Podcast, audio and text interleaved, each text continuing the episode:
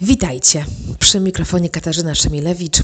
Zapraszam na kolejny odcinek podcastu Panoptykon 4.0 i od razu zapowiadam, że będzie to odcinek nietypowy. Myślę, że śmiało możemy powiedzieć poradnikowy, skierowany do praktyków z świata biznesu i prawników zajmujących się ochroną danych osobowych. Postanowiłam pójść w tym kierunku, ponieważ w lipcu tego roku właśnie w branży ochrony danych osobowych mm, spadła bomba, bomba w postaci wyroku Trybunału Sprawiedliwości Unii Europejskiej w sprawie, tak zwanej sprawie Schrems II, którą wniósł przed Trybunał dość dawno temu znany austriacki prawnik i aktywista Max Schrems. E, znowu jest to sprawa przeciwko Facebookowi, e, ale jej reperkusje i konsekwencje wychodzą daleko poza e, tę jedną firmę, ponieważ Trybunał Sprawiedliwości Unii Europejskiej w zasadzie orzekł, że transfery danych osobowych między Europą a Stanami Zjednoczonymi nie mają podstawy prawnej. Podstawa prawna, która przez lata obowiązywała, tak zwana tarcza prywatności, umowa międzynarodowa, zdaniem Trybunału jest na tyle nieszczelna, na tyle nie chroni e, praw Europejczyków, że nie powinna być do tego celu przez firmy wykorzystywana. E, no a skoro nie powinna być wykorzystywana, no to muszą, muszą, muszą firmy to dość gwałtownie, bo nie dano im żadnego terminu na dostosowanie się do tego wyroku, znaleźć jakąś inną podstawę prawną. I tu jest problem, ponieważ tak naprawdę tej podstawy hmm, chyba moim zdaniem nie mają. No właśnie, dla wielu osób z branży ten wyrok był um, może nie tyle zaskoczeniem, bo myślę, że należało się go spodziewać. Problem masowej inwigilacji po amerykańskiej stronie i tego, że służby mają szeroki dostęp do danych Europejczyków i Amerykanów, które są e, gromadzone na amerykańskich serwerach, jest znany od, od lat. Ujawnił go e, przed laty Edward Snowden i od tamtego czasu ta dyskusja w zasadzie e, w pewnych kręgach się toczy. Ten wyrok jest tylko i wyłącznie stwierdzeniem faktu, który, o którym wiemy od dawna, no ale niemniej jednak spowodował ważny zwrot w branży ochrony danych osobowych, wywołał dyskusję dyskusje między prawnikami, a ja czuję się również do odpowiedzi wywołana jako osoba mm, stosująca, promująca stosowanie e, RODO. Mm, szczególnie, że dotarły do nas głosy naprawdę sfrustrowanych przedsiębiorców, Osobiście nawet się im nie dziwię. Jeden z nich e, przytoczę. Przypadek Schrems 2 to jest skandal, za który odpowiedzialność powinna ponieść Komisja Europejska. Tymczasem wszystko przerzucono na biznes. Wydaliśmy miliony na zapewnienie zgodności z RODO według poprzedniego stanu interpretacji, a teraz jako startup musimy je wydać ponownie. W dodatku nie wiemy jak, bo każdy tak zwany ekspert pisze co innego, a o karze do 20 milionów euro zadecyduje przecież e, urzędnik. No właśnie, eksperci do głosu. Dzisiaj postanowiłam wywołać e, jednego, którego głos znam e, i, i, szanuję od lat, który myślę, że pomoże nam e, zastanowić się, co z tym wyrokiem zrobić i jak zrobić to sensownie. Witajcie w podcaście Panoptykon 4.0. Mówi do Was Katarzyna Szymielewicz. Jestem prawniczką i prezeską Fundacji Panoptykon, która reaguje na zagrożenia związane z rozwojem nowych technologii i to, co dzieje się na styku tej technologii człowieka. W Panoptykonie 4.0 mam ten komfort, że nie zaglądam do ustaw, e, nie gadam z politykami, ale mogę zrobić coś ciekawszego, mogę zajrzeć na zaplecze tych technologii, przemyśleć to, skąd się wzięły, co tak naprawdę zmieniają w naszym życiu, jak działają i rozmawiam o tym z ludźmi, którzy wiedzą, wiedzą, bo badają, wiedzą, bo są praktykami e, i tą wiedzą potrafią się dzielić. Technologie i człowiek. Człowiek i technologie. Gdzie na tym styku czekają na nas zagrożenia? Jak korzystać z technologii, by na nich skorzystać? Jak kontrolować, kto gromadzi o nas informacje i do czego ich używa? Z ekspertami i praktykami rozmawia Katarzyna Szymielewicz. Panoptykon 4.0 Podcast to KFM.pl i Fundacji Panoptykon.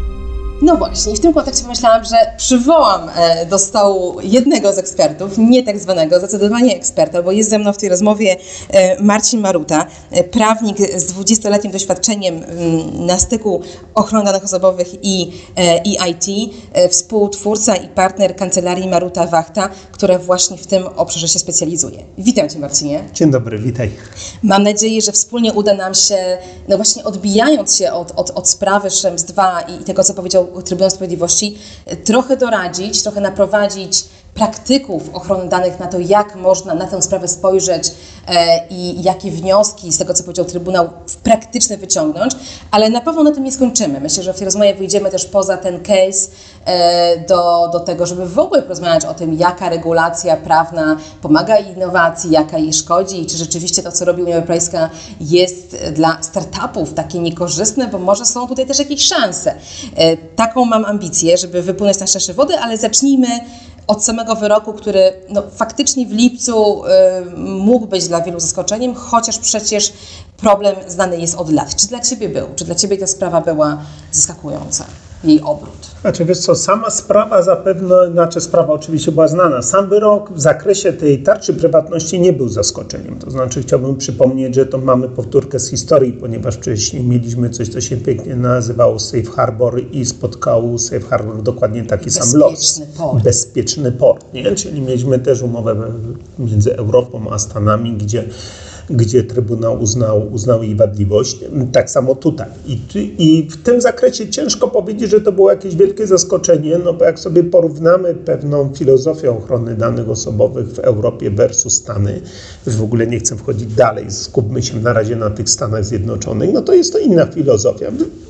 Można by godzinami opowiadać dlaczego, to jest w ogóle pewien problem wręcz filozoficzny, stawiania bardziej zdecydowanie w Stanach na wolność, w Europie na godność. No w każdym razie mamy zupełnie inne porządki prawne. W związku z tym, że one są niekompatybilne, to jest oczywiste.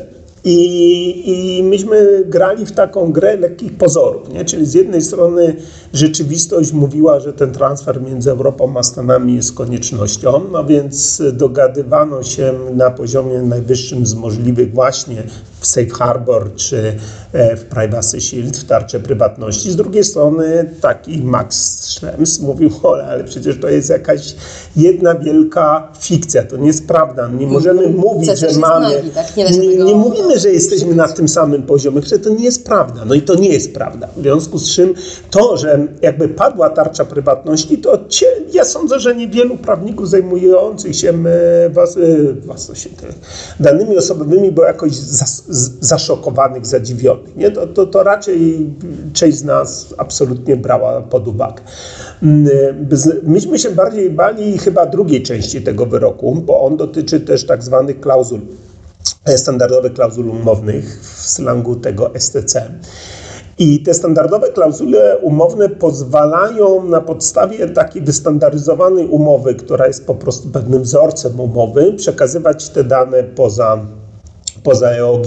I ba... To ja może tylko mhm. dopowiem dla tych, którzy są mniej w temacie, że to dokładnie y, na tym instrumencie, który teraz zaczęło y, wyjaśniać i opisywać i, i, zaraz dokończymy, większość firm oparła natychmiast swoje transfery, jak tylko wybrzmiał wyrok Trybunału Sprawiedliwości Unii Europejskiej z lipca, anulujący umowę, firmy powiedziały, dobrze, nie mamy Privacy Shield, nie mamy tarczy prywatności, sięgniemy po ten drugi instrument i, i trochę też dlatego on się w tej sprawie musi pojawić, ponieważ sąd też to wiedział. Sąd wiedział, że firmy na pewno będą chciały oprzeć się na czymkolwiek, więc tak. sięgnął po klauzulę i też powiedział coś na ich temat. No właśnie, powiedział, coś na ich temat, ale zanim jeszcze powiemy, co sąd powiedział na ich temat, to zauważmy jedną ciekawą rzecz, że zarówno tarcza, jak i standardowe klauzule umowne są instrumentami, których biznes potrzebuje jak kania dżdżu, moje ulubione polskie powiedzenie, ponieważ one są wystandaryzowane i proste do zastosowania od strony prawnej. Nie? Czyli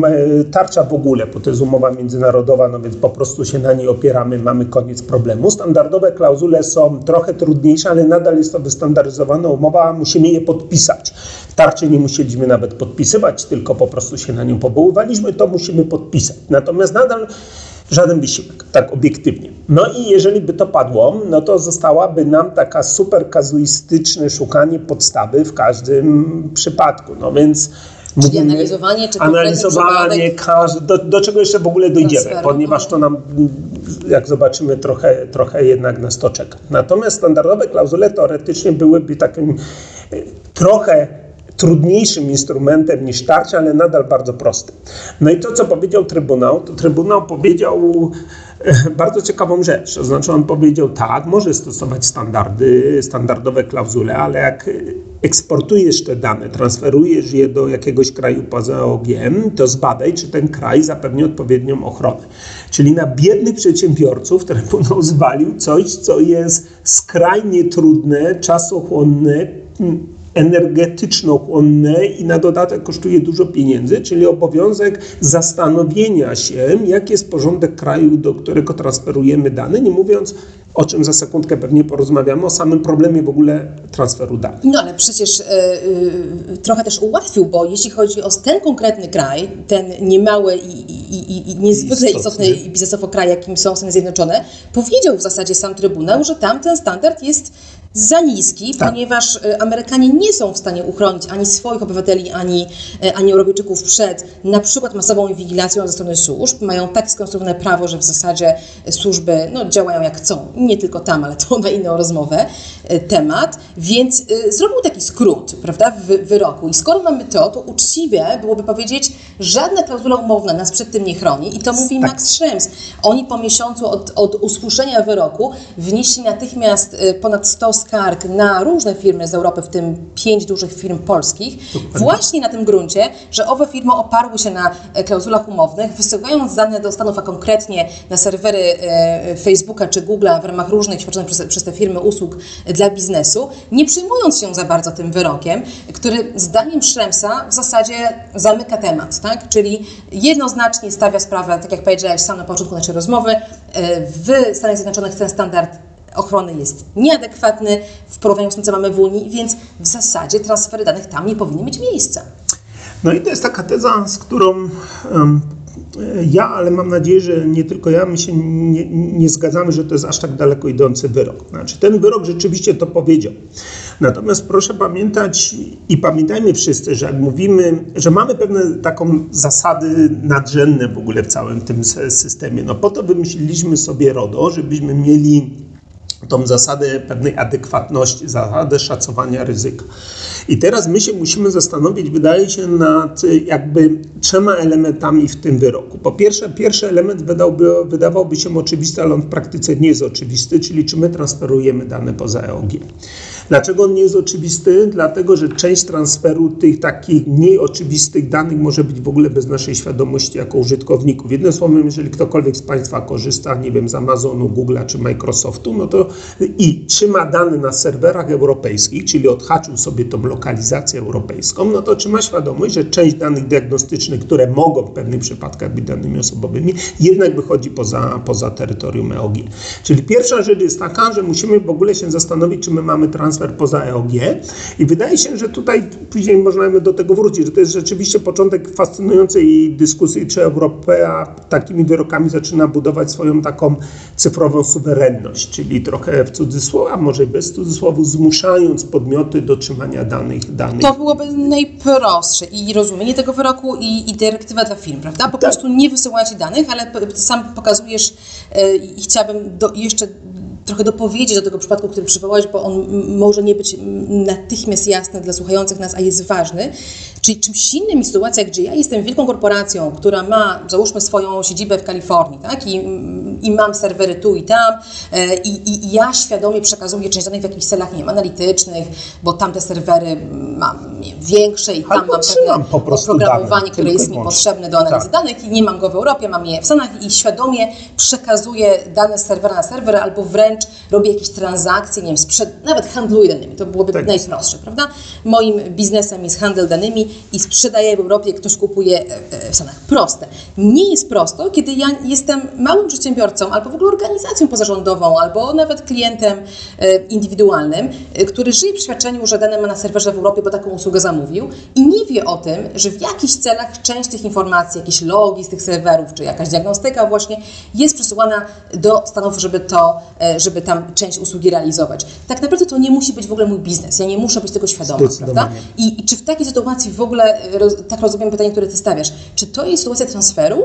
Czy to jest sytuacja... To jest sytuacja transferu. No, znaczy ja niestety... Nie, nie inicjuję go sama, ktoś mi to robi, to jest jego odpowiedzialność. No właśnie, tu dotykamy jednego z kilku takich poważnych pytań wręcz filozoficznych. Pierwsze, jedno z tych pytań brzmi, czy się tutaj komuś nie pomyliła rola. To znaczy, my zrobiliśmy z end-userów, czyli z podmiotów, które zbierają te dane, na przykład swoich pracowników czy klientów, takimi władcami tych danych odpowiedzialnymi w 100% pod rygorem tych, tych no niezwykle, niezwykle wysokich kar, y, odpowiedzialnymi za pełny proces prawny dalszego operacji na tych danych, przechowywania ich, transferu i tak dalej. W rzeczywistości to, to jest jedna z kolejnych fikcji. Jak fikcją była tarcza prywatności, to też jest fikcja. Zdecydowana większość przedsiębiorstw i mówimy także tu o dużych, bardzo dużych przedsiębiorstwach. Nie możemy mieć olbrzymie fabryki, natomiast one zasadniczo nie powinny się przejmować, jak jest skonfigurowana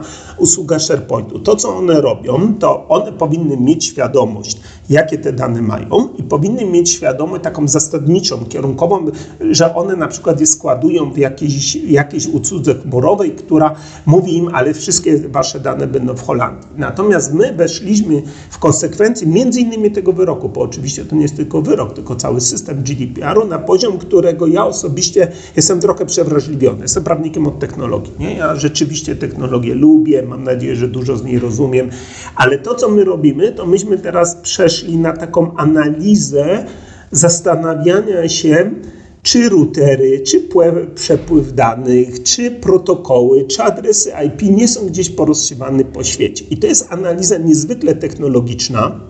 I ona absolutnie nie powinna dotyczyć A tego end-usera. że y, zgodnie z obowiązującym prawem y, refleksję na ten temat powinien uprawiać każdy przedsiębiorca, tak by wynikało i z wyroku, i z przepisów, które mamy no, wiesz, no, problem mamy tak taki... wysoki jest ten standard tak. sprawdzania, co dzieje się z danymi? Znaczy, czy on, znaczy ta, do takich wniosków możemy spokojnie dojść, y, między innymi w świetle tego wyroku. Zobacz, że tam oczywiście po taka teza pierwsza, że w ogóle nie wolno, no to oczywiście nam załatwia problem pod warunkiem, że właśnie my rozstrzygniemy problem pierwszy, że umiemy w ogóle być pewni, że rzeczywiście nie transferujemy danych. Problem polega na tym, że jak te dane transferujemy, no to my jako przedsiębiorca powinniśmy sobie takie ryzyko oszacować, w szczególności go zidentyfikować, czyli to jednak na nas leży pewna ciężar do pytania się znajomości technologicznej. Żeby była, ja się w ogóle nie zgadzam z tak daleko idącą ingerencją prawa, natomiast dzisiejszy świat technologiczny jest tak, a nie inaczej zbudowany, chmura w szczególności. To jest tak skomplikowany mechanizm, że my nie mamy świadomości wielu procesów, które które, które tutaj są robione. I chciałbym zauważyć jedno, że Istotą przecież tej całej regulacji rodowskiej to tak naprawdę była ochrona prywatności. I my zamiast rozmawiać o rzeczach rzeczywiście absolutnie kluczowych, no bo Schrems bardzo słuszne podnosi pytanie na boka, co się dzieje z naszymi danymi, które Facebook sobie przesyła do Stanów. To nie jest problem przecież technicznej lokalizacji danych w Stanach. To nie sądzę, żebyśmy dostawali zawału serca na to, że nasze dane przez przypadek są w Stanach. Problem jest, czy Facebook albo mityczne służby amerykańskie, albo niemityczne, rzeczywiście coś na tych danych robią.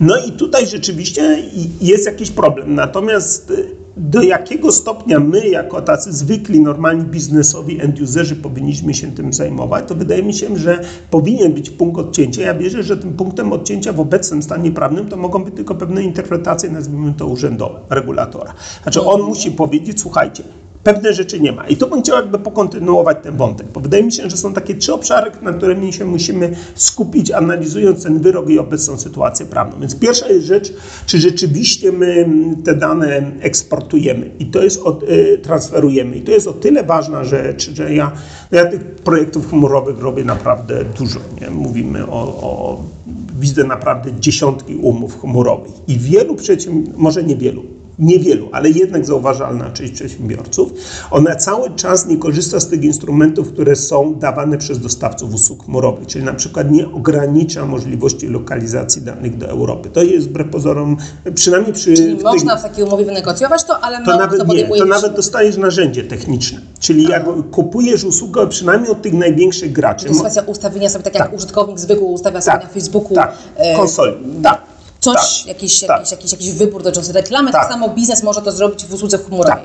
I teraz y, co, do czego my możemy tym doprowadzić, że i tu za chwilę przejdziemy do drugiego, do drugiego wątku, czyli tak naprawdę jakie dane transferujemy. Możemy, że te ja bym teraz dam cudzysłów, którego nie widać, bo, bo go pokazuję, ale chodzi o to, że te prawdziwe dane osobowe, czyli dane osobowe, które są związane z daną osobą wprost, sposób, jakby ją Te, które identyfikują, chronić, które możemy te, które ją identyfikują, faktycznie są trzymane, Mhm. są trzymane na tych serwerach. I tak później za sekundkę dojdziemy do wątku drugiego, co się dzieje z tymi danymi takimi miękkimi, typu właśnie IP, dane, dane diagnostyczne i tak dalej. Czyli pierwsza rzecz, którą powinniśmy się zastanowić po tym wyroku, czy my nie możemy znaleźć, czy to dostawcę europejskiego, czy zagranicznego i rzeczywiście... Obiecał nam, że ważne Tak. dane będzie trzymał Tak. tutaj. I wydaje się, że w przypadku wielu, wielu usług chmurowych ten problem jesteśmy w stanie rozstrzygnąć na tym poziomie, czyli na poziomie bardziej techniki, technologii niż prawa. Czyli jesteśmy w stanie znaleźć rozwiązania technologiczne, które nam to umożliwiają,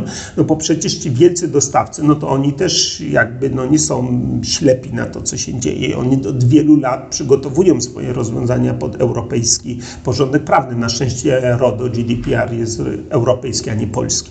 W związku z czym no, rynek jest, wiemy wszyscy, gigantyczny. W związku z czym wielu z nich jest. Wydaje mi się, że większy, znacznie większy problem będziemy mieć w małych dostawcach, e, którzy po prostu nie mają czasu, pieniędzy i energii na takie rzeczy i korzystają na przykład z platform amerykańskich, wystawiając tam tylko aplikacje. I to jest rzecz, którą jakby tutaj bym raczej uczulał. To znaczy, jeżeli my korzystamy z jakiejś aplikacji, niech będzie, nie wiem, na poczta na iPhone'ie, pytanie jest... Chmura, Google dokument. Albo, Google, bo ja tylko to jest Google, nie? Ale mówimy tak, albo nawet jakiś mały, nie weźmiemy sobie jakąś aplikację do zarządzania naszymi projektami, albo jakąś ap- aplikację HR-ową, drobną, małą. Dokładnie, za nie wiemy, 10 gdzie on dolarów. Za, jest. I teraz jest pytanie, że ty musisz, drogi przedsiębiorco, zastanowić się, co jest pod tą aplikacją, czyli na jakiej platformie ta aplikacja stoi i gdzie te dane faktycznie trafiają. I ten proces myślowy na pewno trzeba wykonać. Um, No czy, czy, czy zatrzymując się przy tym, czy nie wystarczyłoby, że ja o to spytam albo sprawdzę to w jakimś regulaminie tej usługi? Jeśli tam jest napisane, to jest Tak. w Europie, ja temu dam wiarę, to w zasadzie Tak. jestem kryta, Tak, nie? powinno to, być, to powinno to być kryte, natomiast cały problem jest taki, że jak sobie wczytamy się w tę umowę, to świat nie jest taki prosty. Nie? To znaczy, gdyby te umowy tak mówiły, to tak, to sytuacja byłaby problem, bo ktoś wyłamał umowę. Ta druga strona nam tak jasno Nie, deklaruje, co druga strona jest, mówi tak, że tak, chyba że. Nie? I to są słynne prawne tak, no chyba, że awaria, albo no na przykład sprawa ze względu na backup będziemy trzymać, albo to bardzo ładnie można prześledzić, ale to jest gra już dla super ambitnych, jak na przykład Zoom zmienił swoje polityki między marcem a majem tego roku. Od czasów wybuchu COVID-u Po e, prostu- system telekonferencyjny. Jeden z największych platform y, komunikacyjnych, y, która, no wiadomo, większość z nas słyszała o sukcesie platformy Zoom, no to, to, to no w marcu oni w ogóle byli nieprzygotowani w ogóle od Na strony prawnej na to. I, też kontraktowo, nie? Te serwery były po Indonezji pochowane, nic nie było uregulowane. W maju to już było praktycznie posprzątane. I teraz chodzi o to, że to musi być dosyć duża firma, żeby sobie to posprzątała. Natomiast małe firmy e, z reguły robią jakieś właśnie słabe umowy, które tego nie przesądzają, albo co częściej powołują się na co? Na tarczę prywatności. No i teraz problem polega na tym, że jak sobie weźmiemy wiele małych aplikacyjek, z których korzystaliśmy, to tam podstawą prawną jest ta tarcza prywatności. Ona nam padła, no i musimy coś znaleźć w zamian. Więc może być tak, że z punktu widzenia tego pierwszego, czyli gdzie my mamy te dane, e, ta sytuacja w ogóle nas musi do, korzyst, z, jakby z pewnych rozwiązań, właśnie dlatego, że, że nie, będziemy mieć, nie będziemy mieć tej lokalizacji w Europie, a nie będziemy mieć, mieć podstawy. Ale pierwszą rzecz, którą bym naprawdę się skupił, to się zastanowił, gdzie są te dane.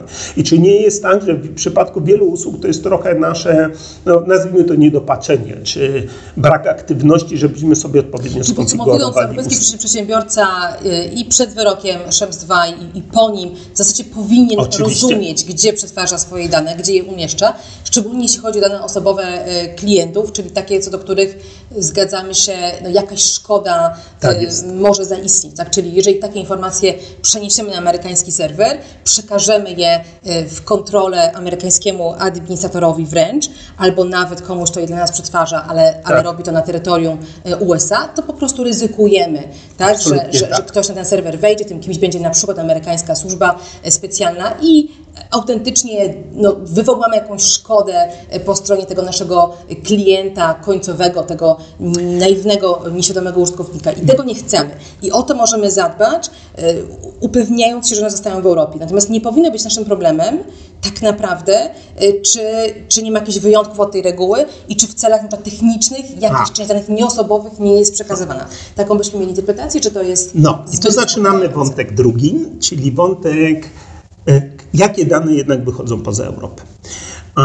I to jest coś, gdzie chyba zaczyna się dosyć mocno różnić interpretacja, nazwijmy to konserwatywna, nie wiem czy to jest właściwe słowo, ale ta interpretacja powiedziałbym szeremowska, czyli ale swoją drogą powtórzona na przykład przez berlińskiego regulatora, który powiedział, że żadne dane do Stanów nie mogą pójść. Żadne, żadne. Żadne, żadne. Żadne, żadne. Właśnie z tego powodu, o których Ty mówiłaś. Odpadła tarcza prywatności, a standardowe klauzule odsyłają do kraju, który jest krajem nieprzyjaznym ochronie danych osobowych w rozumieniu europejskim, w związku z czym nie wysyłaj żadnych danych osobowych do, do, do Stanów Czyli można było wysłać nieosobowe, jakieś czyste, tak. techniczne logi, które z Aha. użytkownikiem się nie łączą, ale jeżeli tylko jest tam ta, to możliwość połączenia z konkretną osobą, którą mamy obowiązek chronić, nie możemy wysłać. Zaraz do tego dojdziemy, dokładnie. W każdym razie mamy, powiedziałbym, tą, dobrze, no skrajną, no razie bardzo konserwatywną wykładnię, na której się opierają właśnie Fundacja Szremca, czy na której się opiera część regulatorów, która mówi po prostu nie wolność. Natomiast, y, no właśnie, jak mówiliśmy, że wydaje się, że ona jednak jest, jest po prostu skrajna. Natomiast to, co powinniśmy w drugim kroku się zastanowić, jak jednak idą te dane poza, poza Europę, to się musimy zastanowić, jakie dane idą. I oczywiście, jeżeli one nie mają przymiotu danych osobowych, no to w ogóle nie mamy problemu w tym wyroku.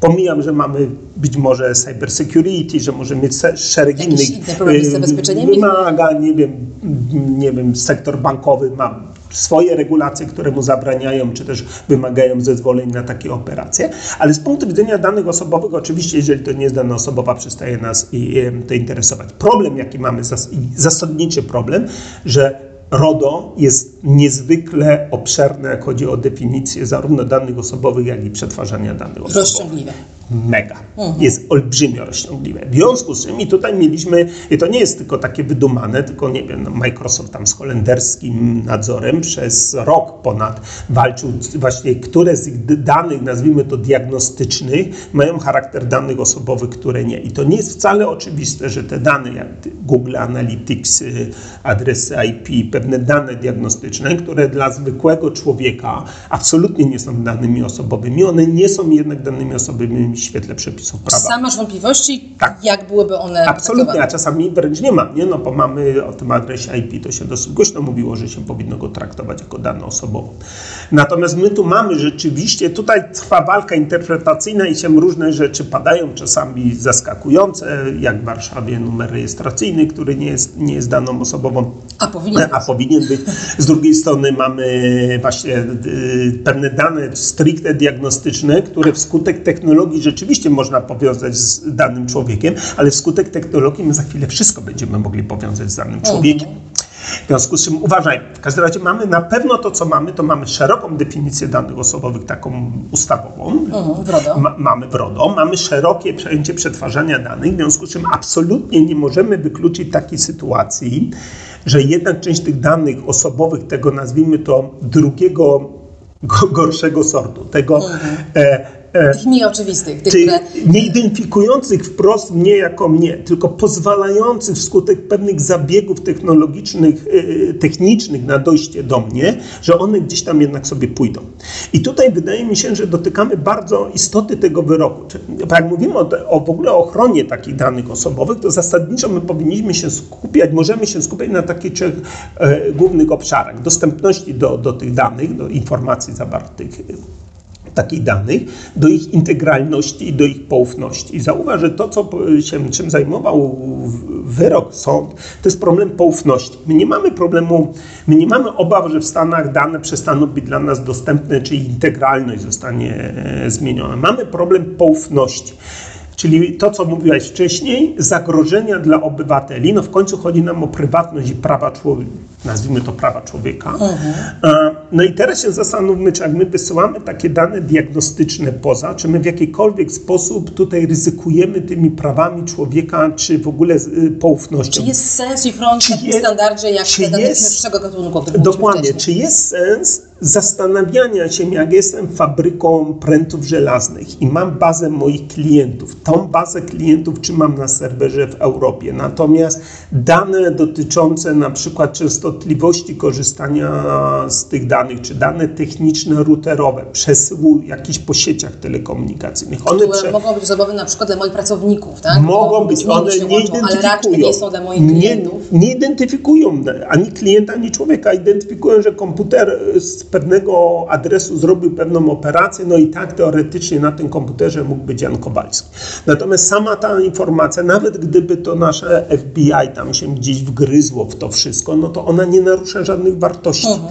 Oczywiście, znowu, y, ja już jestem zmęczony tym case by case, nie? Bo to na każdy webinar, jak sam jak robię te webinaria, to powtarzam to magiczne zaklęcie, każdy przypadek należy analizować osobno i oczywiście należy, no bo jeżeli jesteśmy, nie wiem, ABW i chcemy wysyłać dane stanowiące o bezpieczeństwie państwa polskiego, no to nawet nad takimi bym się zastanawiał. Natomiast no, większość z nas nie ma takich danych. Nie? Większość z nas prowadzi zwykły biznes i ujawnienie tych danych, nazwijmy tych drugiego rzędu, nie jest aż tak szkodliwe. W związku z czym możemy się bardzo poważnie zastanawiać, czy ten wyrok rzeczywiście dotyczy tych danych.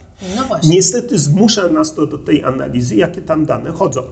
Natomiast wydaje się, że że no jest racjonalne powiedzenie, no nie, no na tym poziomie ten transfer jest dopuszczalny na poziomie tych standardowych klauzul, ponieważ nie ma tych zagrożeń, o których mówił Trybunał. O ile w tym przypadku twardych danych osobowych, a faktycznie w obecnym świetle no, absolutnie bałbym się klientowi powiedzieć transferuj sobie dane, to w przypadku tych danych bardziej miękkich, tych, tych pośrednich danych osobowych, byłbym tu znacznie bardziej po zbadaniu przypadku otwarty na taką interpretację, tak, te, dane, te, dane, te dane idą. Natomiast w istocie wydaje mi się, że problemem jest to, że znowu to, o czym mówiliśmy, że od dzisiaj biedny biznes, bardzo ładny był ten cytat od przedsiębiorcy, który na początku podałaś, to biedny biznes musi się nad, nad tym zastanawiać. No nie, to powinien być problem operatora, czyli to jest problem Google'a, Microsoftu i tak dalej, który powinien tych danych tam nie puszczać lub on robi te szacowania ryzyka i dać klientowi gotowy pewien wzorzec. Powiedzieć, drogi kliencie, to, to, to będzie wysyłane, takie, takie masz ryzyka. I klient miałby wszystko gotowe. Natomiast dzisiaj jednak mamy ten problem spychania na biznes. Większość firm to, co zrobiła, to powiedziała, no ale mamy standardowe klauzule, no to transferuj na podstawie Po standardowych klauzul. kupić sobie trochę czasu na to, żeby być może przedstawić e, model Tak. działania e, na jeszcze inne rozwiązanie, ale wiedząc o tym, że zapewne czekają nas e, decyzje organów europejskich, na choćby te pierwsze skargi, które wniósł Schrems w miesiąc po wyroku, będą Dokładnie. rozpatrywane teraz na szczęście. Te konkretne skargi mają być już rozpatrywane przez grupę roboczą, którą w tym celu właśnie utworzyła e, Europejska Rada do Spraw Ochrony Danych Osobowych, ta umocowana w Brukseli, po to, aby rozpatrzyć je harmonijnie, spójnie e, i dać nam, mam nadzieję, jakieś konkretne i sensowne wytyczne, jak e, ów e, trudny wyrok e, interpretować. Ale Tymczasem wytycznych nie ma. Czego zatem, Marcinie, Twoim zdaniem mogą, powinni w tym trudnym okresie dla przedsiębiorców e, oczekiwać e, ci, którzy kupują usługi chmurowe od dostawców, szczególnie od dużych dostawców? Jakiego rodzaju informacji czy zapewnień e, powinni się domagać? Dobrze, to po kolei, jeszcze będzie trzeci wątek. Ale lecimy. Pierwszy punkt sprawdzam, czy w ogóle to jest w Europie, czy poza Europą. I jeśli Jeżeli jest, z kontraktu mogę wynika, że z Europy, tego problemu nie mamy. Mamy być może inne, ale tego problemu nie mamy. Koniec. Causa finita. Jesteśmy w Europie, nie ma problemu transferu danych.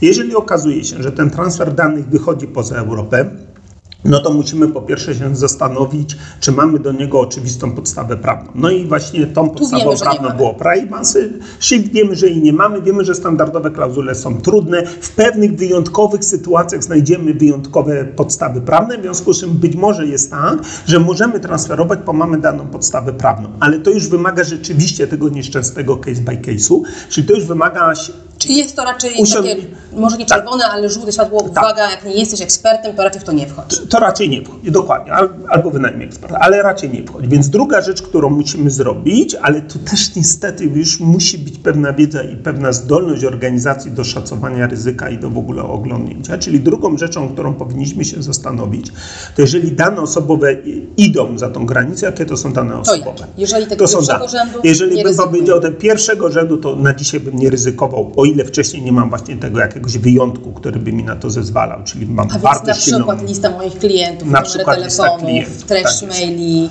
e, treść dokumentów, Słuchaj, które bardzo wrzucam. poważne rzeczy, badania medyczne, cała telemedycyna Jasne, i tak dalej. To jasne. nie jest takie proste. Nie? Znaczy w praktyce wiele ciągów biznesowych wymaga tego transferu i tu musimy znaleźć ten wyjątek. To znaczy, jeżeli w danym operacji my nie możemy realnie nie transferować tych danych, musimy zrobić ten step back, y, krok wstecz i musimy się zastanowić, czy my nie mamy tego wyjątku. Ale jeżeli nie mamy takiego wymagania biznesowego, no to sobie zobaczmy tych poważnych danych, tych najważniejszych danych po prostu nie transferujmy. I to na przykład, w moim przekonaniu, oczywiście to trzeba by e, sprawdzić z kontraktem konkretnym, ale moim zdaniem wszyscy najwięksi dostawcy chmury coś takiego zapewniają.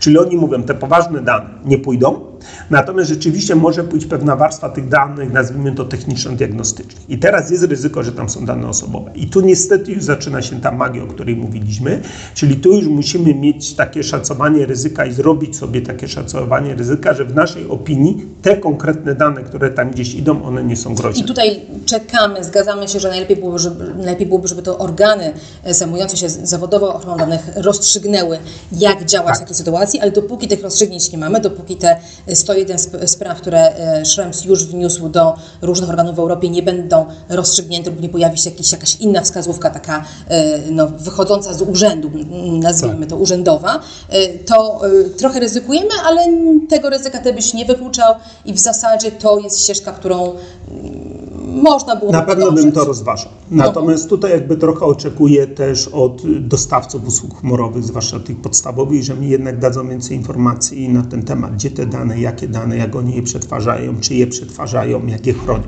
W związku z czym oczekuję, że poza takim komunikatem, no to przecież my mamy klauzule standardowe, to teraz wszystko jest dobrze, dadzą mi znacznie więcej wiedzy, ponieważ inaczej ja się muszę tej wiedzy do, e, doszukiwać Na w przykład zapewnią, dokumentacji. że jeśli będą cokolwiek tam wysyłać z Stanów na swoje serwery e, e, na tym, terytorium, to upewnią się, że to nie jest osobowe, albo to zanonimizują. Albo dokładnie, albo będą szyfrować, że nie będą Mhm. ich używać w innych celach niż realizacja kontraktu i tak dalej. Jest trzeci element, który moim zdaniem każdy warto, żeby rozważył.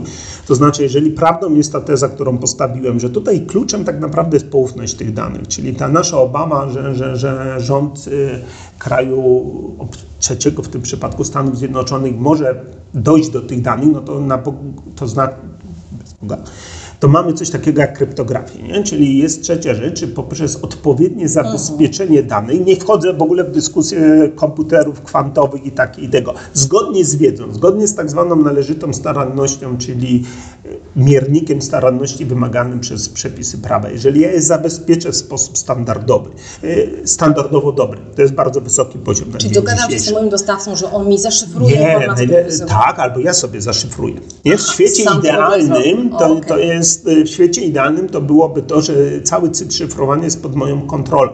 Czyli ja wysyłam dane zaszyfrowane. Niestety one są nadal danymi osobowymi w rozumieniu przepisów. Szyfrowanie nie likwiduje przymiotu danych osobowych, natomiast no, ryzyka naruszenia poufności tych danych radykalnie obniżam. I moim zdaniem, jeżeli my byśmy sobie y, tę ścieżkę mocniej rozpracowali intelektualnie, regulacyjnie i tutaj znowu można tylko apelować o udział regulatorów, żeby dali jakieś bardziej jednoznaczne wskazówki, no to, to obniżam w sposób istotny takie ryzyka. I znowu, będąc y, wywiadem polskim prawdopodobnie nadal, mimo szyfrowania, bym się nie odważył, bo a nuż komuś te kwanty przyjdą do głowy po drugiej stronie. Natomiast będąc fabryką opakowań szklanych, no szansa, że ktoś użyje komputerów kwantowych, żeby złamać że listę naszych odbiorców, jest mała. Więc że uważam, że powinniśmy iść w tym kierunku. Czyli dzisiaj powinniśmy iść w kierunku, y, po pierwsze, próby innego traktowania tych danych stricte osobowych od tych danych osobowych, ale jednak pośrednich, czy tam jak ładnie to określiliśmy, drugiego, drugiej kategorii. I powinniśmy coraz więcej mówić o sposobie szyfrowania i zabezpieczenia danych, jak mówimy rzeczywiście serio o problemie poufności. I być może to jest jakiś rodzaj wyjścia z tej sytuacji, no bo inaczej niestety pozostaje nam powrót do tezy pierwszej Schremsa, czyli w ogóle żadne dane nie mogą wychodzić poza Unino, co jest technologicznie, racjonalnie niezwykle trudne, żeby nie powiedzieć na granicy niemożliwości. Bo te alternatywy, które istnieją w Europie i, i, i, i w ogóle nie wychodzą poza Europę, są drogie, jest ich za mało, są cały czas, jakość tych usług jest za niska. Mhm. I tu z czego wynika cudowne. konieczność wychodzenia poza Europę, Twoim zdaniem, w świecie technologii? No tak, znaczy są dwie warstwy. po prostu tego, że serwery zawsze są gdzieś indziej, bo jest taniej utrzymywać serwer w Indonezji albo w Stanach Zjednoczonych? To, Chyba nie. To prawdopodobnie jakiś tam element. Chciałbym odciąć tą najbardziej te techniczną warstwę, nie? Typu na przykład jak wyglądają routery i przepływ danych poprzez sieci telekomunikacyjne na świecie. Skupmy się na tym poziomie usług. Dobrze, czy rzeczywiście jest taki? Wydaje mi się, że to, co my można to odczuć. Trochę z tego wyroku, aczkolwiek no pewnie sąd się nie kierował przesłankami politycznymi, ale zobacz też o inicjatywę jakby Gaia X, nie? czyli to, co w tej chwili Europa próbuje moim zdaniem budować, to próbuje budować trochę taką własną suwerenność cloudową, czyli w ogóle informatyczną, ale no chmura w tej chwili jest najbardziej gorącym tematem. Czyli to, co próbujemy robić, to próbujemy zbudować właśnie taki cały świat, że żeby pierwsze, pierwszym frontem do klienta były usługi europejskie. Mamy, wydaje mi się, w tym, y, w ogóle być może pomysł jest dobry, nie mnie ocenia, to jest pomysł, powiedziałbym, ideologiczno-polityczny, Zresztą nie tylko przez przemysł technologiczny robione samochody robią podobnie. Tylko w przypadku samochodów Europa ma bardzo wiele do zaoferowania. Mamy wykształcony, najbardziej wykształcony rynek y, na świecie, mamy genialnych producentów, czyli jakbyśmy na dzisiaj powiedzieli, zostajemy tylko z europejskimi samochodami. Bo tylko one są bezpieczne, mają Bo tylko pasy. elektryczne mają emisje, której nikt nie ma, bo się mhm. nikomu innemu nie opłaca spełniać. Y, Albo za chwilę zasilanie wodorowe, które jest wymagane przepisami, no to dramatu nie ma. Oczywiście fani Subaru będą cierpieć, natomiast zasadniczo w skali społecznej problemu nie ma. Z usługami informatycznymi, daj Boże, żeby tak było. Mhm. Marzę o sytuacji, kiedy polskie firmy będą miały pozycję Facebooka, Google'a i AWS-u, natomiast na dzisiaj może poza bardzo specyficznym oprogramowaniem SAP do zarządzania przedsiębiorstwem, które jest oprogramowaniem niemieckim, myśmy nie stworzyli żadnej potęgi informatycznej europejskiej trzymajmy kciuki, zróbmy i, i teraz czy znowu, czy są y, usługi europejskie informatyczne, na, mailowe równe Google'owi? Nie wiem, to znaczy wiem, że są, wiem, że są wyspecjalizowane serwisy, ale z jakichś powodów ludzie wolą traktować jednak korzystać z Google'a, z wygody, z opcji i tak dalej, więc trzeba im dostarczyć coś równie atrakcyjnego. I tak, na tym poziomie nie czy, ma. Czy, czy, czy, czy, człowiek mm, czy porównywanie e, użytkownika prywatnego, który tak właśnie zrobi, czyli sięgnie po najbardziej znaną, najłatwiejszą, najbardziej przyjazną usługę i trudno go za to winić, e, czy możemy to porównać z decyzją biznesową, Może. nawet małego przedsiębiorstwa, e, które no, na przykład moglibyśmy oczekiwać, że wyda jakieś pieniądze na utrzymanie swoich danych w bezpiecznym miejscu. I pewnie że nie wydaje. I wydaje, wydaje mi się, że jasne, że można. Dlatego... Bo jest kwestia darmowości, i łatwości, to czy nie, nie jest racjonalne oczekiwać od przedsiębiorców, że będą jednak wkładać trochę większy wysiłek i większe budżety w to, niż taki zwykły Kowalski, który autentycznie, no, rozumiem, to nie chce temu poświęcić nawet sekundy uwagi za dużo.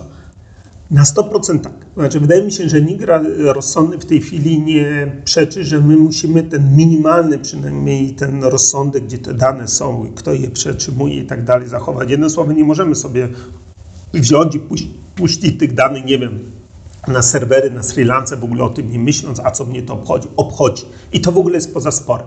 Chodzi mi o, bardziej o coś takiego, że jeżeli mamy w tej chwili pewnego rodzaju usługi technologiczne, jak właśnie skomplikowane centra przetwarzane. Weźmy taki fajny przykład Office 365.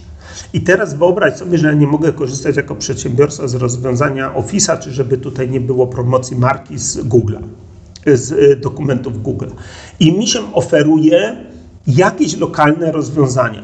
To nie jest tylko i wyłącznie problem, że mi spada że, że, że jakby wydajność. No ja zaczynam pracować w świecie, który jest nieproduktywny, który nie daje mi standardów ogólnoświatowych w sensie zapisu pewnego dokumentu. No nie chciałbym sięgać tak daleko. To znaczy z powodów stricte regulacyjnych i prawnych rozumiem, że część rzeczy musimy odciąć, jak na przykład no właśnie niekontrolowane w ogóle przekazywanie danych.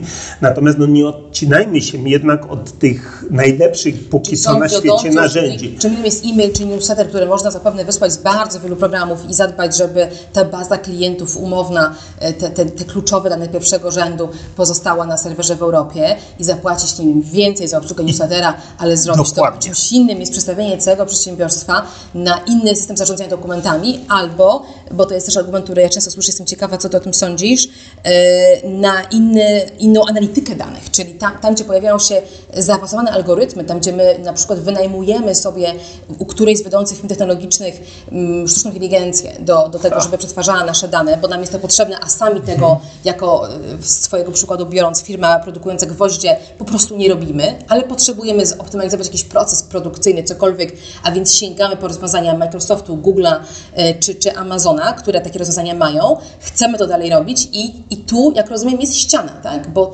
takich rozwiązań w Europie po prostu nie ma. Czy są słabe? Gdzie jesteśmy? No znowu, no to oczywiście trzeba by, zasadniczo tak jest. To znaczy, co byśmy nie mówili z pełnym uznaniem, jak mówię, no trzymam kciuki za wszystkie firmy europejskie, polskie w szczególności, żebyśmy taką pozycję mieli. Natomiast rynek IT w odróżnieniu od rynku samochodowego jest porozdawany przez firmy amerykańskie. Lubimy, nie lubimy, Chiny z tym mają problemy Wiemy, co się dzieje na konflikcie amerykańsko-chińskim, jak to jest dotkliwe dla przemysłu i dla firm technologicznych chińskich, odcięcie od technologii amerykańskiej. No a jednak Chiny to silny gracz. No więc teraz Polska w tym układzie. No, no nie. To znaczy w tej chwili sytuacja wygląda tak, że zaawansowane rozwiązania informatyczne w miażdżącej większości pochodzą ze Stanów Zjednoczonych. I korzystając, chcemy korzystać z tych rozwiązań, jeżeli chcemy z nich korzystać, to musimy się godzić z tym, że za tym stoją firmy amerykańskie. Teraz y, walka trwa o to, gdzie my damy tą granicę dostosowania się firm amerykańskich do, do naszych regulacji. I moim zdaniem radzimy sobie zupełnie nieźle. Moim zdaniem problemy są zupełnie gdzie indziej. Jak tu mówiłaś o sztucznej inteligencji czy profilowaniu, to jest moim zdaniem prawdziwy, duży temat do dyskusji na Boga. W jaki sposób będziemy profilować zachowania mm, użytkowników, a w szczególności uzależniać decyzje od takiego profilowania, w szczególności jeżeli ja jako użytkownik nie mam w ogóle świadomości, w jaki sposób zostałem sprofilowany. I to są bardzo poważne... W tym podcastie wielokrotnie o temacie profilowania e, i sztucznej inteligencji rozmawiałam i będę jeszcze nie raz rozmawiać, ale myślę, że dziś e, ten wątek e, zaparkujemy. Mm, chciałabym, zmierzając już ku końcowi naszej rozmowy, troszkę podsumować z Twoją pomocą e, bilans zysków i strat, jaki obserwujemy po tych dwóch latach stosowania RODO. E, rzeczywiście sprawa 2 troszkę namieszała, nawet więcej niż troszkę. Ja też z tego się nie cieszę, natomiast zastanawiam się, e, na ile mimo takich perturbacji, jak ten wyrok, który jest trudny interpretacyjnie, na ile widzimy postęp w tym, jak przedsiębiorcy i ci duzi, i ci mniejsi podchodzą do ochrony danych osobowych, na ile widzimy mm, dobre zmiany, na przykład do, lepsze zmiany w usługach e, chmurowych dla firm, ale też tych e, zwyczajnych usługach dla normalnych użytkowników. Dobrze, to jest o tyle trudne pytanie, że oczywiście jest postęp, o którym za sekundkę. E, postęp polany olbrzymim chaosem I właśnie takimi wątpliwościami, o których my mówimy, no jednak przedsiębiorca nie, nie powinien być stawiany przed takim chaosem prawnym. Zgoda. E, więc, więc tak naprawdę mamy wszystko. To znaczy i pani ma rację, i pani, miera, i pani ma rację. Natomiast jaki, to, co ja widzę z mojej perspektywy, co dało, co dało RODO. E, daje RODO. Pierwsza rzecz, że ono dosyć mocno wprowadza, jak widać, nie, nie do końca e, konsekwentnie stosowaną, ale jednak tą całą koncepcję szacowania ryzyka i oparciu się o szacowanie ryzyka. Jednym słowem, dawniej mieliśmy świat zero-jedynkowej regulacji prawnych, masz hasło ośmioznakowe zmienione co 30 dni, czy jesteś kioskiem ruchu, czy jesteś fabryką broni, nie ma znaczenia, rób tak samo, będziesz zgodny z prawem. W tej chwili mówi dostosuj standardy do swojej potrzeby. Czyli myśl myśl. i wymyśl sobie standardy, a my wymyślimy, sprawdzimy tylko, czy dobre standardy wymyśliłeś. I oczywiście Ale jeśli nie obronisz, to zapewne Okej, okay. ma zupełnie inny poziom ry ryzyka w, w małej firmie, a w zupełnie innym zakładzie medycznym. Zupełnie inaczej będziesz traktować dane osobowe, nie wiem, o chorobach e, psychiatrycznych, zupełnie inaczej kto I taka kupił kwiatki. dla innowacji powinna być Fenomenalnie. Więc Dobra. ten kierunek jest dobry i, on, to, i to jest dobre, że to zaczęło y, siadać też w innych regulacjach. Nie? Czyli ten cały sposób myślenia zaczął się przesuwać też na inne regulacje, czyli mamy taki świat bardziej elastyczny. On może być nawet trudniejszy, nawet bardziej kosztowny, ale on na pewno jest bardziej elastyczny i bardziej odpowiada współczesnemu, współczesnym wyzwaniom. Więc to jest na pewno d- dobra Druga rzecz, która jest, to jednak ja mam potężną, w cudzysłowie, pretensję, to znaczy uważam, że RODO było wdrożone e, błędnie, między innymi dlatego, że wszyscy nagle w jednym momencie, że czy, moim zdaniem to trzeba było zrobić zwinnie, czyli agile'owo, nie? Wziąć najpierw, nie wiem, banki, duże zakłady i rozciągnąć to trochę w czasie, żeby ci na przykład mniejsi mogli uczyć się z doświadczeń większych. Natomiast w pewnym momencie to wszystko wd- wdrożono, mniej lub bardziej udanie, natomiast rzeczywiście to, co było świetne, to to, że po przede wszystkim firmy zaczęły myśleć o tych danych osobowych. Czyli my no, z e, bardzo, bardzo zacofanego systemu, gdzie te dane osobowe były traktowane jako nie mające żadnej takiej wartości albo były eksploatowane bezlitośnie, bez w ogóle zastanowienia się. Faktycznie każdy poważny gracz bardzo poważnie się w tej chwili nad tym zastanawia. Za tym idą na przykład nakłady na ochronę tych danych, czyli to security, to moim zdaniem na RODO. o którym mówiłeś, Tak, które mogło być RODO. z, ze sposobów Dokładnie. poradzenia sobie z wyrokiem również 2. Czyli to RODO wprowadziło ten temat na zarządy dużych firm i na budżety dużych firm, nie? Czyli ta wizja tych kar jednak zadziałała. Więc to, to że próbujemy jednak, y, y, użyję tego słowa, ono jest, y, no użyję go, czyli ucywilizować to, co z tymi danymi osobowymi się robi, robią, zwłaszcza te korporacje, które z tego żyją, nie? Czyli no jakby no twoja esencja twojej, twojej fundacji, nie? Czyli Te, te o których najczęściej w podcaście te, rozmawiamy. te o tego, no to też jest na pewno dobre, że tego, natomiast pomijam w tej chwili, czy ludzie chcą tej ochrony, czy ona ma sens, ale jednak przynajmniej my regulacyjnie gdzieś tam robimy. To jest dużo dobrych zjawisk, więc w ogóle, że Tutaj myślimy... też widać, że te firmy się przesunęły. One Przesunęły zareagowały na, na, na wyraźnie. Co więcej, jest bardzo pięknie w amerykańskiej literaturze dotyczącej danych osobowych jest takie pojęcie Brussels Effect, efekt Brukseli. Nie? Czyli mamy jedną z nielicznych regulacji prawnych, która faktycznie odcisnęła niezwykle silny e, piętno na regulacjach światowych, czyli świat w jakiś sposób zaczął się dostosowywać, nie lub bardziej, ale jednak co najmniej brać pod uwagę. Mój przyjaciel, który jest partnerem w kancelarii w Nowym Jorku, ma 70 osób zajmujących się tylko RODO, GDPR. W związku z czym oni wiedzą, że robiąc interesy z Europą, muszą tego przestrzegać i dostosowują się w dużej mierze do tych przepisów. W związku z czym to też jest fajne, że tak wyeksportowaliśmy pewien sposób myślenia o prywatności. Bardziej bym chciał, wolałbym używać to słowo prywatność niż, niż dane osobowe, bo dane osobowe tak naprawdę bez prywatności to, to nie jest aż tak ciekawe. W związku z czym to się na pewno dobrego, dobrze stało. Natomiast oczywiście popełniliśmy grzech, o których mówiliśmy. Poszliśmy w bardzo kazuistyczne, techniczne problemy. No nie, no jak mówię, nie możemy się zostawić. Myślę, że tego grzechu nikt nie chciał popełnić, że on jest y, collateral damage, że on jest jakimś skutkiem ubocznym tej reformy i, i, i czymś, czego być może nie przewidzieli y, albo nie przygotowali się na to sami regulatorzy, bo y, no, zaryzykuję takie stwierdzenie, że nikt rozsądny ani w Brukseli, ani w żadnej innej stolicy, ani nawet w Warszawie nie chciałby rozciągać tej ochrony prywatności na rzeczy, które z prywatnością, tak jak tu- tłumaczyliśmy w tej rozmowie, nie mają wiele wspólnego. Y, I jednak szukamy tego sensu. Myślę, że wszyscy go szukają, tylko w pewnym momencie te, te, te przepisy i, i interpretacja jest, okazuje się tak skomplikowana, że już wszyscy mają problem, prawda? Również regulator ma problem, żeby pokazać tę granicę wyraźnie i autentycznie ulżyć tym, którzy przechodzą z wątpliwościami.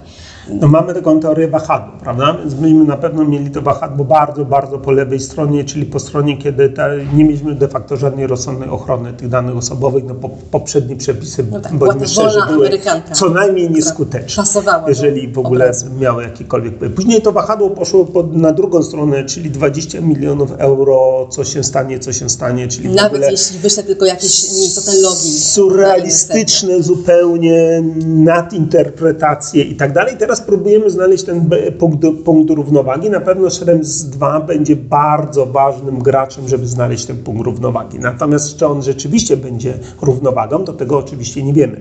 Czyli to, co ty Ale mówiłaś. jako prawnik wierzysz w możliwość znalezienia takiego Na punktu pewno. i że można pogodzić, e, już nie chcę mówić e, truizmów, innowacje i, i, i prywatność, bo, bo, bo sama z tego żartuję. Ja myślę, że akurat e, RODO było jest nadal e, całkiem niezłym stymulantem innowacji, nie tylko w świecie prawników, ale również technologii, bo rozwijają się innego typu usługi e, i, i nowe rynki się e, dzięki temu tworzą, ale nawet dla tych firm, które chcą zarabiać na danych, na przykład, które chcą w tym starym paradygmacie pozostać, nie chcą oferować ludziom świetnych rozwiązań kryptograficznych ani ochrony prywatności na wyższym standardzie europejskim, ale chcą eksploatować to, co robiły do tej pory, nawet one ten punkt równowa- równowagi, myślisz, powinny być w stanie swojej działalności No, znaleźć. Chcemy zabić biznesu przecież, no to nie jest cel regulacji. I jeszcze jedna może ważna uwaga, bo też pewnym nieszczęściem, jak już mówimy o pozytywach RODO, to, to akurat nie jest cecha RODO, tylko całego systemu. RODO zostało wypchnięte na front jako taka jednostkowa regulacja prawna. Natomiast za tym miał iść cały szereg.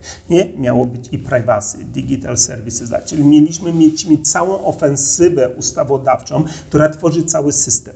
Powoli postępuje, ale idzie wolniej niż byśmy a oczekiwali. Wyjęliśmy bardzo do przodu jeden i to taki jeden z najtrudniejszych, najbardziej restrykcyjnych elementów tego systemu, bez reszty systemu.